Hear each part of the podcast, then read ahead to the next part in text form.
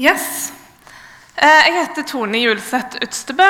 Eh, Jeg jobber som teamleder for fellesskap og misjon i Nordmisjon. Har gjort det siden august. Jeg er egentlig sykepleier, eh, men opplevde å få et kall til misjon egentlig når jeg var 17 år, ganske nyfrelst. Som har gjort at jeg har liksom måttet jobbe litt med Gud for å finne ut hvor er det du vil ha meg. Um, og så kjenner jeg litt sånn at ja, jeg jobber i Nordmisjonen, men, men det er jo ikke jobben min, det er jo hvem jeg er. Det er hva jeg er kalt til å være. Det, ja. Eh, sånn eh, Ellers så er jeg gift på 18. året. Jeg er 40 år, har eh, tre barn på 14, 12 og snart 10 år. Eh, så de begynner å bli store, og det har både sine gleder og sine utfordringer, kan man vel si. Og så går jeg i IMI. Og så tror jeg at Det viktigste jeg kan si om meg sjøl, er at jeg brenner for Jesus, og så brenner jeg for at andre skal gjøre det samme. Og så kjenner jeg en enorm forventning til å være her i dag.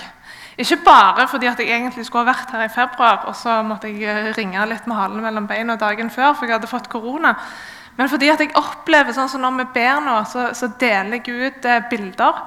Eh, og så ble jeg minnet på eh, Korinterbrevet tidligere i morges, om, om det, hvordan, eh, hvordan, de skriver om hilse til menigheten, om alt det gode som ligger i menigheten. Og Jeg tror ikke jeg skal lese det, men, men jeg bare kjenner at det, det ligger en forventning over Ålgård. Det ligger en forventning over dere som fellesskap. Ikke fordi at dere skal prestere, men fordi at Guds rike allerede er synlig på Ålgård, fordi at dere er her.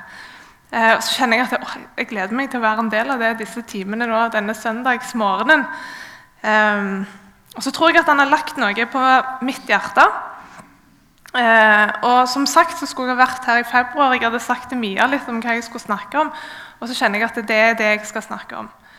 Eh, for i eh, vinter så fikk jeg lov å være sammen med styret noen timer. og da spurte vi styret litt hva, hva, er det som, måte, hva, hva er det som engasjerer dere. Hva er det dere brenner for? Der, der hver enkelt fikk si noe om sin personlige reise, sitt personlige engasjement. Litt om sin historie. Um, og så var jeg her i vår på foreldrefesten for konfirmantene. Og Da delte jeg litt av min historie, eh, om hvordan mitt liv har vært. Så Vi skal fortsette litt i det. Så når jeg fikk eh, melding fra Kjersti, Kjersti ja. Tidligere i uka så sier jeg, så sier hva er stikkord liksom, for hva, hva, du skal snakke om. Så sier jeg jo jeg skal snakke om vandring og merkesteiner. Eh, og så er ikke det fordi at jeg er sånn som springer fra fjelltopp til fjelltopp. og liksom, nå skal vi ut og...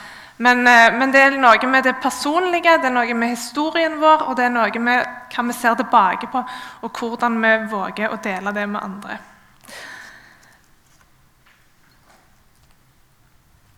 Og så For å sette oss på rett spor så skal vi ta oss litt tilbake til Gamletestamentet. Og til den tida når Abraham gikk under navnet Abram. For Abraham han får beskjed av Gud om å bryte opp fra farshuset og dra tilbake til det stedet som Gud skal vise ham. Han kommer til Kanan, og Herren viser seg for Abraham med beskjed om at dette er det landet som jeg skal gi til deg og hele din ett. Og Abrahams respons det er å bygge et alter for Gud. Han drar videre opp i fjellene forbi Betel før han drar, slår leir. Og Så står det der at han bygger et alter og påkaller Herrens navn. Og Så går det en tid, og han drar fra sted til sted. Han har et opphold i Egypt med en heller uheldig plan om å lure farao til å tro at Sarai, som var hans kone, til å tro at eh, hun var søsteren hans. Og Igjen så drar han videre fra sted til sted, og så står det at han kommer tilbake til det stedet hvor han reiste sitt første alter.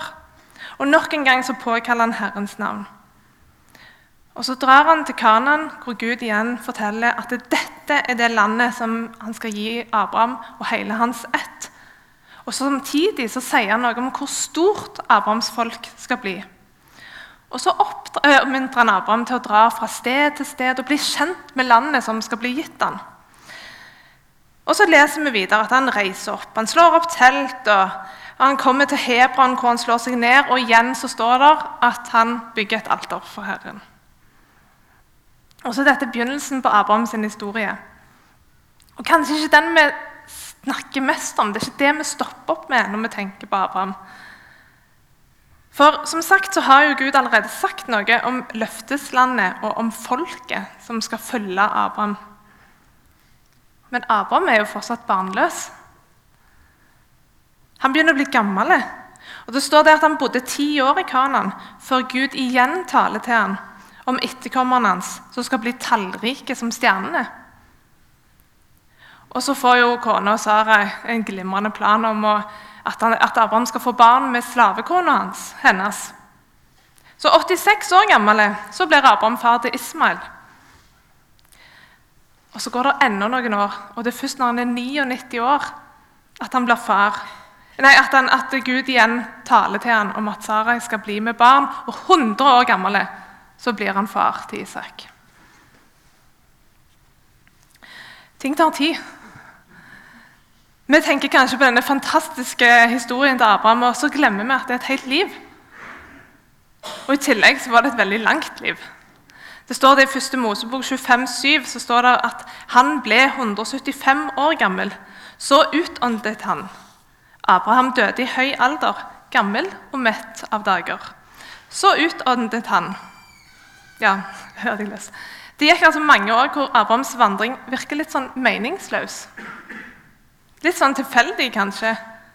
Men han holder fast på lovprisningen, og han bygger alter for Gud. Og så ser jeg for meg disse alterne. Litt som sånne varder av steiner på fjelltoppene. For Det står jo det at Abraham han dro tilbake til det første stedet der han reiste et alter eh, for Gud. Og, fjell, og, og verdene som vi reiser på fjelltoppene, det er jo en sånn liten sånn markering med at 'jeg var her'. Jeg klarte det. Sånn. Og Det er jo for at eh, kanskje en sjøl eller andre folk skal kunne komme tilbake og se det. At det har vært noen her. Det er noen som har reist en verde her. Og så tenker jeg at Abrahams tilfelle det var jo det at han, han reiste verder, eller merkesteiner, for å markere et gudsnærvær. Et stoppested på sin vandring med Gud. Og så er det kanskje litt sånn for oss at eh, vi kan se tilbake på vår vandring, men så får vi ikke helt øye på disse stoppestedene våre med Gud. For kanskje er det mye lettere for oss å reise varder på et fjell enn å reise varder i vår, egen, i vår egen vandring med Gud. I august 2016 så var jeg på en Lausanne-konferanse i Indonesia. Det var en sånn unge, unge lederkonferanse for eh, 1000 unge ledere. Vi var eh, samla fra 140 nasjoner. Og så var det tema for konferansen som heter 'United in the Great Story'. Og Så ble vi satt i grupper gjennom den uka der vi skulle lese Guds ord sammen, og vi skulle reflektere, og så skulle vi dele troshistorien vår. Jeg var i gruppe med fire andre menn. Det var Thomas fra Tsjekkia som ledet liksom, det store internasjonale studentarbeidet. Det var Nazar fra Jemen som hadde blitt fengsla for sin tro. Han var konvertitt og bodde nå i Malaysia. Og så var det Kirsten fra Sør-Afrika som var flygende misjonær i Tanzania. Og så var det en annen mann som heter Danny. Og så var det meg. Lille Tone fra Stavanger, sykepleier med kall til misjon. Jeg kjente meg ganske liten, og jeg syntes det var skummelt og skikkelig skikkelig ubehagelig å skulle dele min troshistorie. For det var liksom så mye som jeg egentlig ikke pleier å dele med folk. Men så bestemte jeg meg for at eh, nå skal jeg dele alt, og jeg skal ikke utelate noe. Nå skal jeg gå i tro, eh, for her er det trygt å dele.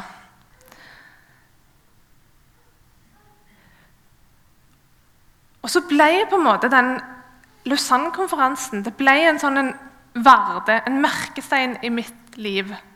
Det ble et før og etter. Så det er en ganske tydelig sånn, eh, varde som jeg ofte ser tilbake på og tenker på at det var viktig. Men kvelden før det var min tur å dele, så står jeg ut forbi møtesalen og så snakker jeg med en annen nordmann. og Så spør jeg ja, hvordan syns du det er å være her. Så sier han jo, jeg, jeg syns det er fint, men eh, Lovsangen er gjerne litt sånn litt too much, sier han. Eh, og dette er jo noen år siden. Jeg var småbarnsmor da. Jeg var ikke vant med at det, i lovsangen så kunne jeg på en måte få retta hele meg til Gud. Jeg hadde liksom alltid et barn på hofta som krever liksom oppmerksomhet og tar oppmerksomhet hvis ikke han får det. sånn. Så jeg kjente at, eh, så jeg sier det til han, at det, for meg så er det liksom lovsangen som gjør hele forskjellen på at det er godt å være her. Og Så går vi inn i, i møtesalen, og lovsangen starter, og så spiller de sangen 'No Longer a Slave'. Jeg hadde aldri hørt den før. Men det var som om teksten var henta fra min egen troshistorie. Jeg sa det, det kunne vært 'the lyrics of my life'. For vi sang det at 'my fears are drowned in perfect love'. You rescued me, and I will stand and sing 'I am a child of God'. Så bøyde jeg meg mot han norske kompanjongen min, så sier jeg 'sorry, dette handler ikke om deg'. Og Så reiser jeg meg og så løfter jeg armene og priser Gud og bare kjenner at tårene renner. I Jeremia 31, 21 så står det Reis merkesteiner, sett opp veimerker. Legg nøye merke til den veien du gikk. Jeg kjenner at Gjennom refleksjonen over mitt eget liv så er det veldig merkbart at Gud har vært med meg. På tross av at han har vært eh, noe krokete, ganske vanskelig til tider, så har jeg noen tydelige varder, noen tydelige merkesteiner å se tilbake på. Og så har jeg flere ganger etter Lausanne-konferansen delt glimt av min troshistorie og fått tilbakemelding om at det er så sterkt å høre på. Og så er erfaringen min at når jeg deler, så tør andre òg å dele. For mange har gjerne gjort seg noen erfaringer som de skulle ønske at de var foruten.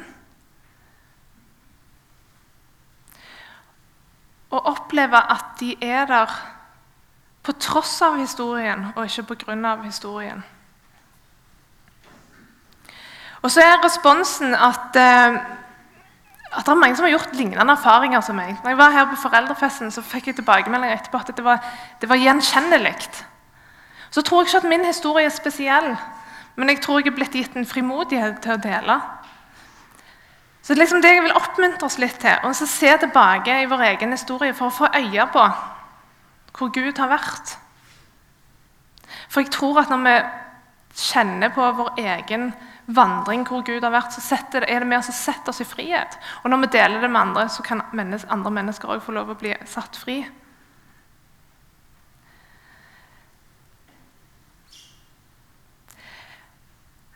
Jeg, sa, jeg, fortalte om disse mennene som var med på denne konferansen, og så sa jeg, og så var det Danny.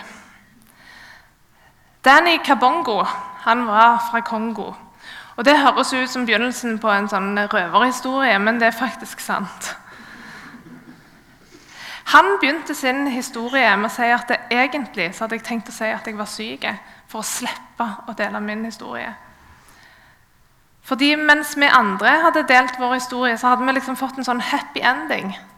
Sånn, det endte godt. Mens Danny han ble født inn i en kristen familie. Mora hun hadde to gutter fra før av, og hun var skråsikker på at dette tredje barnet skulle bli ei jente, og hadde store forventninger. Og planla liksom nå ble jenta født. Og De hadde bestemt at denne jenta skulle hete Fanny. Så kom fødselsdagen, og ut kom en gutt. Og skuffelsen var stor. Og barnet fikk navnet Danny.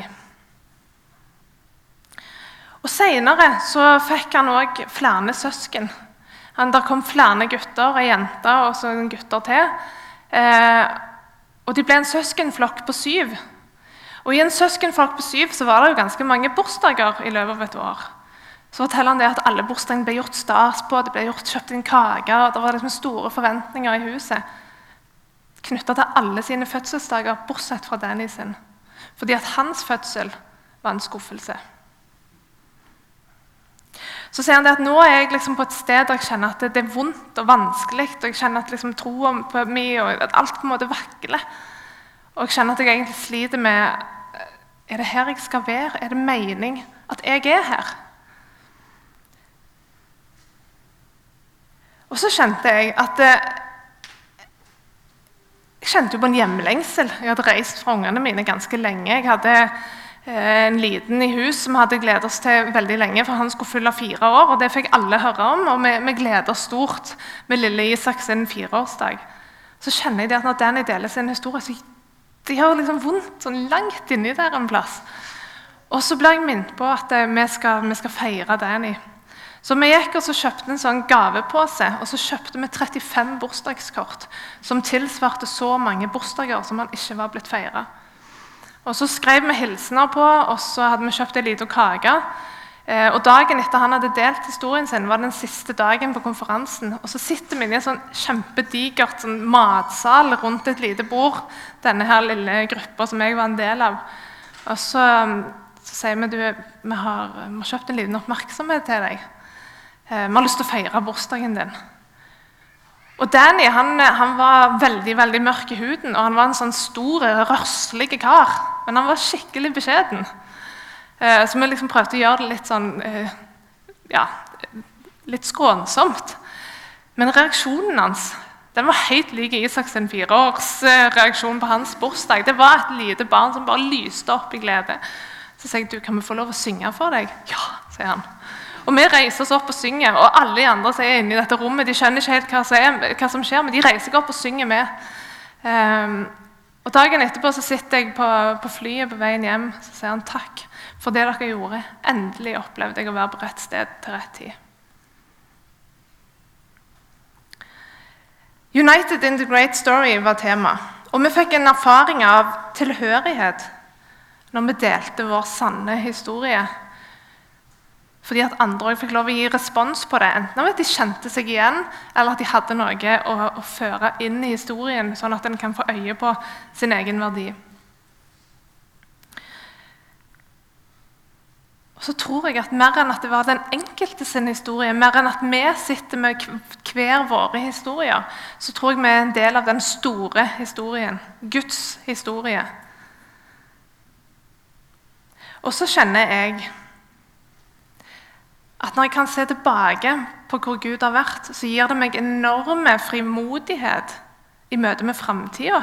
Et enormt håp for framtida. fordi når jeg ser hvor Gud har vært, så ser jeg òg noe om hvor han kommer til å være. Og Så står det i første Samuels bok, eh, så leser vi om israelittene som har vært i kamp mot filisterne. Og Filisterne de tar Herrens paktkiste, så da blir det jo en splid. Eh, og så, så flykter eh, så flykter eh, filistene. Men så er det, det er liksom knytta så mye uro rundt denne paktkista. Og israelittene på sin side de er jo kjempemismodige fordi at paktkista er vekke. Eh, så de sier til, Samuel at du må be til din Gud. Du må, du må be om at Gud skal, skal redde oss. Eh, og På samme tid er filistene på vei mot israelittene. israelittene og, og, og, det, bare liksom bygger seg opp en forventning som ikke er positiv. Det er redsel i leiren. Og Guds respons er å sende et voldsomt tordenvær som gjør at eh, filistene mister israelittene av syne. Og så står det det I Samuel, 1. Samuel 7,12 så står det at der tok Samuel en stein og satte den opp mellom Mispa og Skien han kalte den Eben Eser, hjelpesteinen, og sa så langt har Herren hjulpet oss. To dager før Norge stengte ned, 10.3.2020, så fikk min mann kreft for andre gang i vårt ekteskap. Jeg var på jobb da telefonen ringte.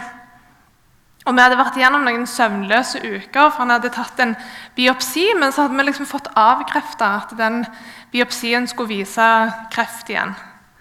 Så jeg var ikke forberedt når telefonen ringer og mannen min sier 'Sitter du?' Så skjønte jeg hva som var i ferd med å skje, så jeg reiste meg så sier jeg, 'Nei, nå står jeg, for jeg vil ikke høre det du har å si'.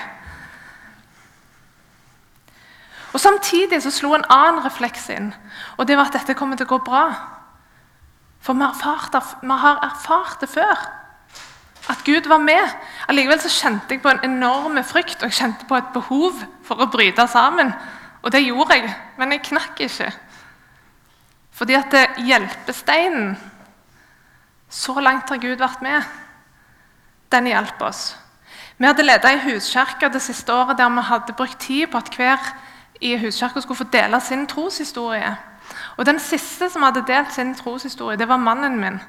Og Helt på slutten så hadde vi en sånn bit der vi lytta til Gud for, og vi, eh, vi, delte hva Gud hadde inn i hans liv. Og Det hadde jeg tatt opp på, på sånn taleoppdrag på telefonen. Så det lytta vi til den første kvelden eh, når, etter han hadde fått diagnosen. Og så ble det både sammen med historien hans, de verdene om hvor Gud hadde vært, så sa det noe om et liv på vandring der han ennå ikke hadde kommet fram til verdene sine. Han hadde ikke fått satt de opp ennå, men det ga en enorm tro på at Gud har vært med, og han kommer til å være med videre. I vinter så, så satt meg og min eh, familie tett i sofaen med chipsbollen klar og så på 'Mesternes mester'. Jeg er egentlig ikke så veldig glad i sånn reality-show, men eh, jeg gikk liksom all in, for det var så viktig for ungene. Eh, så jeg lot meg engasjere. Og Hver fredag så var det en ny kjendis sin tur om å dele litt av sin eh, reise og sine erfaringer. Og tros, ikke troshistorie, men livshistorien kommer på en måte inn. Og Da det var Anja Hammerseng Edin sin tur om å dele hennes reise inn i håndballens verden, så tar hun ordet på den ene middagen og så sier hun Jeg tror på mennesker som har en passion. Jeg tror på mennesker som våger å drømme. Ja, Du kommer til å gå på noen smeller. Du kommer til å oppleve store oppturer og nedturer. Og det viktigste er kanskje ikke selve oppdraget men måten du vokser på som menneske. Vi kan, leve, vi kan lære enormt mye av å være gode, men vi kan lære ganske mye av nedturene våre òg. Jeg syns det var utrolig godt sagt. Og så tilbake til han her eh, gamle Abraham. Han som flytter rundt fra sted til sted, slår leir, bygger alter, priser Gud. Drar videre, slår opp telt, bygger alter, priser Gud. Og sånn går liksom dagene. Når du ser tilbake på ditt liv, hva ser du da? Syns du at det ser litt tilfeldig ut? Litt kaotisk ut, kanskje? Eller har du reist merkesteiner som gir deg håp i møte med framtida?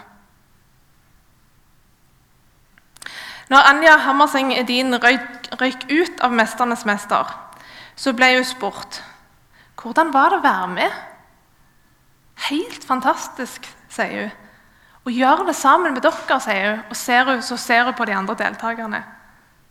Og Så fikk hun et oppfølgingsspørsmål. så sier jeg, Hvis det var en av de andre deltakerne som har gjort mest inntrykk på deg, hvem er det? Så svarer hun Bjørn Einar, uten tvil. For Bjørn Einar Romøren han hadde gjennom sesongen fått dele fra sin reise innen toppidrett, men kanskje aller mest fra privatlivet sitt. Og det var tydelig for oss TV-seere og andre deltakere at når han delte, så lot folk seg bevege. Og så sier hun Anja da For ett og et halvt år siden så tok han sin siste cellegift. Og nå står han her i semifinalen av 'Mesternes mester'. Det gir så mye håp. Det har gjort aller mest inntrykk på meg. Jeremia 31, 21 så står det Reis merkesteiner. Sett opp veimerker. Legg nøye merke til den veien du gikk. Vend tilbake, jomfru Israel. Tilbake til disse byene dine. Nå skaper Herren noe nytt i landet. Jeg gir den slitne rikelig å drikke og mette alle som lider nød. Se, dager skal komme, sier Herren, da jeg sår ut mennesker og dyr i Israels og Judas hus. Og sånn som jeg før vågte over dem for å rykke opp og rive ned, knuse, ødelegge og skade, sånn vil jeg nå våke over dem for å bygge og plante, sier Herren. Jeg innleder med å si at jeg eh, elsker Jesus og brenner for at andre skal gjøre det samme. Og så tror jeg at det å elske Jesus det handler aller mest om at jeg opplevde å komme hjem når jeg møtte han som 17-åring. Derfor så står 17.2.1999 som en stor merkestein i mitt liv. For når alt kommer til alt, så handler det om å komme hjem. Om å finne veien. Når du ser hvor Gud har vært i ditt liv, da gir det håp om hvor han kommer til å være i framtida. Og når du deler disse merkesteinene med andre, så kan det gi de hjelp til å finne hjem. David Wagner sa en gang det at ved å dele din historie så kan du bli en annen manns profeti. Den syns jeg var utrolig fin. Hvor er dine merkesteiner?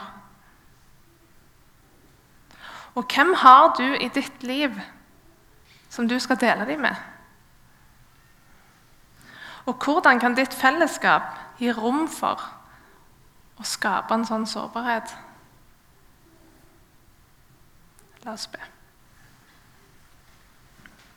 Takk, Gud, for at du alltid har vært med. Ber om at du skal hjelpe hver enkelt av oss til å se hvor du har vært, sånn at det kan gi oss håp i møte med framtida. Takk for at livet er en vandring. Det er ikke noe vi må streve etter. Du står det i ditt ord at vi skal få lov å gå i ferdiglagte gjerninger. Jeg takker deg for at du vil hjelpe oss til å se deg, hvor du kommer til å være.